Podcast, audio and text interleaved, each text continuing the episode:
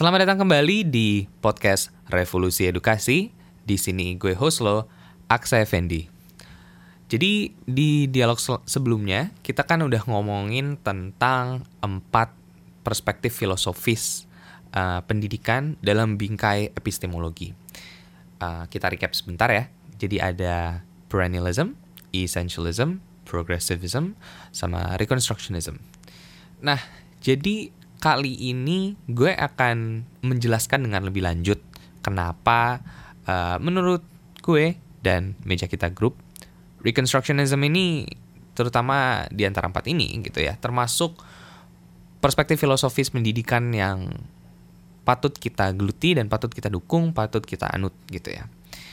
Sebenarnya uh, social reconstructionism ini secara singkat ya yang gue sempat jelasin di uh, dialog sebelumnya adalah filosofis uh, filosofi pendidikan bahwa yang melihat uh, memandang sekolah itu sebagai uh, sebenarnya sebagai alat untuk membangun dan mendidik pemimpin-pemimpin masa depan untuk uh, menyelesaikan problema-problema sosial di seluruh dunia gitu ya.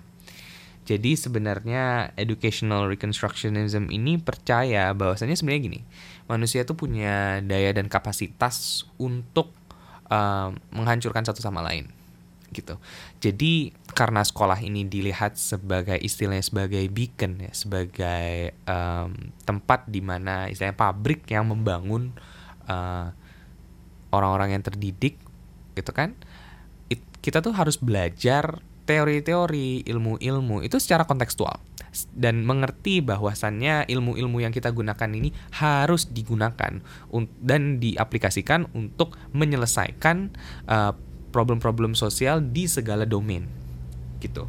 Nah, jadi uh, reconstructionism ini percaya bahwasannya uh, tujuan utama pendidikan itu nggak cuman sekedar membangun uh, uh, generasi generasi uh, penyelesai masalah, tapi juga untuk mencari dan mengkoreksi banyak problem-problem sosial yang kita hadapi uh, sebagai masyarakat. Jadi ini tuh skopnya ya, jaringannya banyak banget sebenarnya, termasuk rasisme, polusi, uh, ek, apa namanya kesenjangan ekonomi, kesenjangan pendidikan, kemiskinan, kekerasan, dan segalanya dan segalanya. Nah, jadi nggak cuman sebenarnya ini nggak cuman sebatas filosofis pendidikan, tapi reconstructionism ini sebagai uh, bisa dianggap sebagai obat ya, sebagai obat gitu kan untuk masyarakat yang ingin membangun suatu istilahnya suatu dunia yang lebih uh, secara social order, secara ya itu tadi secara social order itu secara lebih objektif dan juga lebih maju melalui reformasi-reformasi sosial yang sesuai. Nah, jadi um, gue langsung aja ngomong ya. Kenapa menurut gue ini adalah uh, perspektif filosofis yang sebenarnya sangat-sangat uh, robust, yang sangat-sangat keren sebenarnya. Karena istilahnya gini, dan gue tuh sebenarnya ya, um, kalau di meja kita itu kan sebenarnya bidang yang gue geluti itu ada tiga tiga domain utama yakni pendidikan, uh, bisnis dan teknologi gitu. Dan sebenarnya menurut gue yang gue paling geluti paling utama itu adalah aspek pendidikannya itu sendiri gitu. Mengapa gitu? Mengapa gue menganut pendidikannya itu terlebih dahulu terlebih dahulu dan bukan teknologi uh, bukan bisnisnya gitu kan. Karena kan banyak nih misalkan orang-orang tentunya ada yang mungkin uh, mereka teknokrat gitu kan yang lebih mengedepankan aspek teknologi dalam bisnis bisnis uh, edtech edukasi teknologi mereka atau aspek bisnisnya gitu kan gue lebih percaya akan pendidikannya itu sendiri. Kenapa? Karena gue berpegang teguh kepada konsep educational reconstructionism ini jadi sebenarnya kalau dari semua keynote yang gue uh, presentasi yang gue sampaikan dari sebenarnya kurang lebih dari 2017 itu ya sampai sekarang itu sebenarnya gue selalu uh, memaparkan riset gue yang sangat uh, istilahnya yang menurut gue ya cukup komprehensif terkait um, apakah relasi kualitas pendidikan suatu negara terhadap aspek-aspek uh, sosial lainnya aspek-aspek uh, sosial lainnya negara-negara tersebut disclaimer terlebih dahulu, tentunya sebenarnya metrik pendidikan yang kualitas pendidikan yang gue gunakan adalah PISA, yakni uh, Programs for International Student Assessments, uh, yang diselenggarakan oleh OECD, yakni Organizations for Economic Deve Economic Cooperation and Development. um, PISA sendiri ini menurut gue pribadi memang bukan uh, sistem pengujian standar kualitas pendidikan negara yang sempurna gitu karena sebenarnya secara benchmarking ya um, pendidikan tuh nggak bisa gitu loh sebenarnya menurut gue ya di benchmarking gitu yang bisa di benchmark ya adalah um, daya pemikirannya murid-murid tapi ini adalah diskursus yang lain tapi untuk sekarang kita berasumsi bahwa PISA itu adalah uh, metrik pengukuran kualitas pendidikan yang terbaik yang kita punya untuk sekarang. Walaupun banyak flaws-nya. Nah, logikanya tuh gini.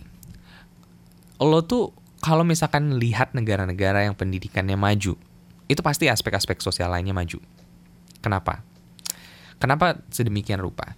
Dan ini sebenarnya uh, di backing secara data ya, ya kalau mau tahu datanya ya undang gue lah jadi keynote speaker di tempat lo gitu tapi istilahnya gini um, memang nggak secara sempurna linear ya kayak misalkan oh kalau pendidikan di sini negara Singapura itu nomor satu di dunia berarti dia ekonominya juga nomor satu di dunia atau kayak uh, kesen apa namanya pem, pe, pemerataan uh, income income equality mereka juga nomor satu di dunia. Enggak, enggak linear. Tapi memang ada uh, positif trend antara kualitas pendidikan uh, suatu negara dengan aspek-aspek sosial lainnya. Dan ini ini tuh ini tuh eh, it this is true across the board gitu for every other indexes.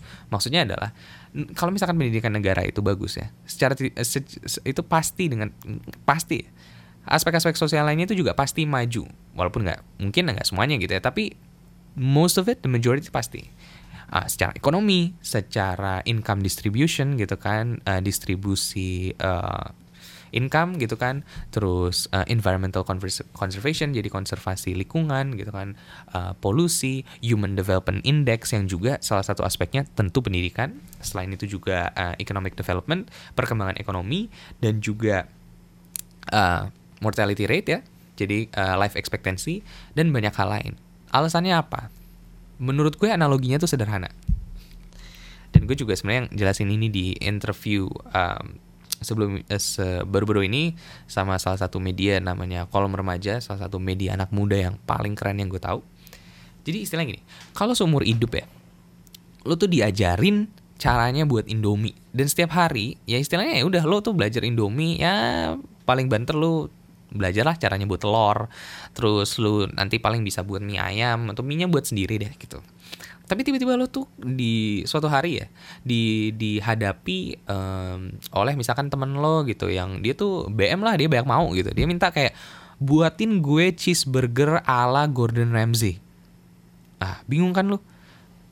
Nggak mungkin lo bisa buat kan? Karena seumur hidup lo lo taunya cuma caranya buat mie gimana caranya lo mau buat cheeseburger?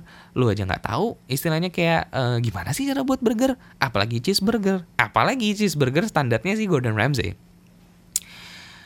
Pun lo coba lo pasti akan gagal. Dan lo nggak akan tahu caranya. Emang lo nggak pernah tahu caranya ya kan? Um, karena ilmu lo emang sebatas ya itu tadi. Cara uh, lo cuma bisa caranya buat mie instan gitu. Nah ini sama halnya dengan uh, analoginya dengan pendidikan gitu. Kalau misalkan suatu negara gitu ya, um, masyarakatnya gitu ya dan orang-orang yang memimpinnya itu ilmunya istilahnya kalau misalkan 1 sampai 10 dia tahu ilmunya cuma sampai 3 gitu ya. Kalau misalkan ada problem gitu, problem masyarakat contohnya nih uh, pandemi gitu ya. Sesuatu yang pastinya dong kita secara dun di, di dunia siapa sih yang siap gitu kan menghadapi pandemi dengan skala dan dampak sebesar ini. Yang istilahnya sebenarnya memerlukan uh, orang-orang tuh untuk berpikir di luar kapasitas skala 3 tadi. Mungkin level 5 mungkin atau level 7.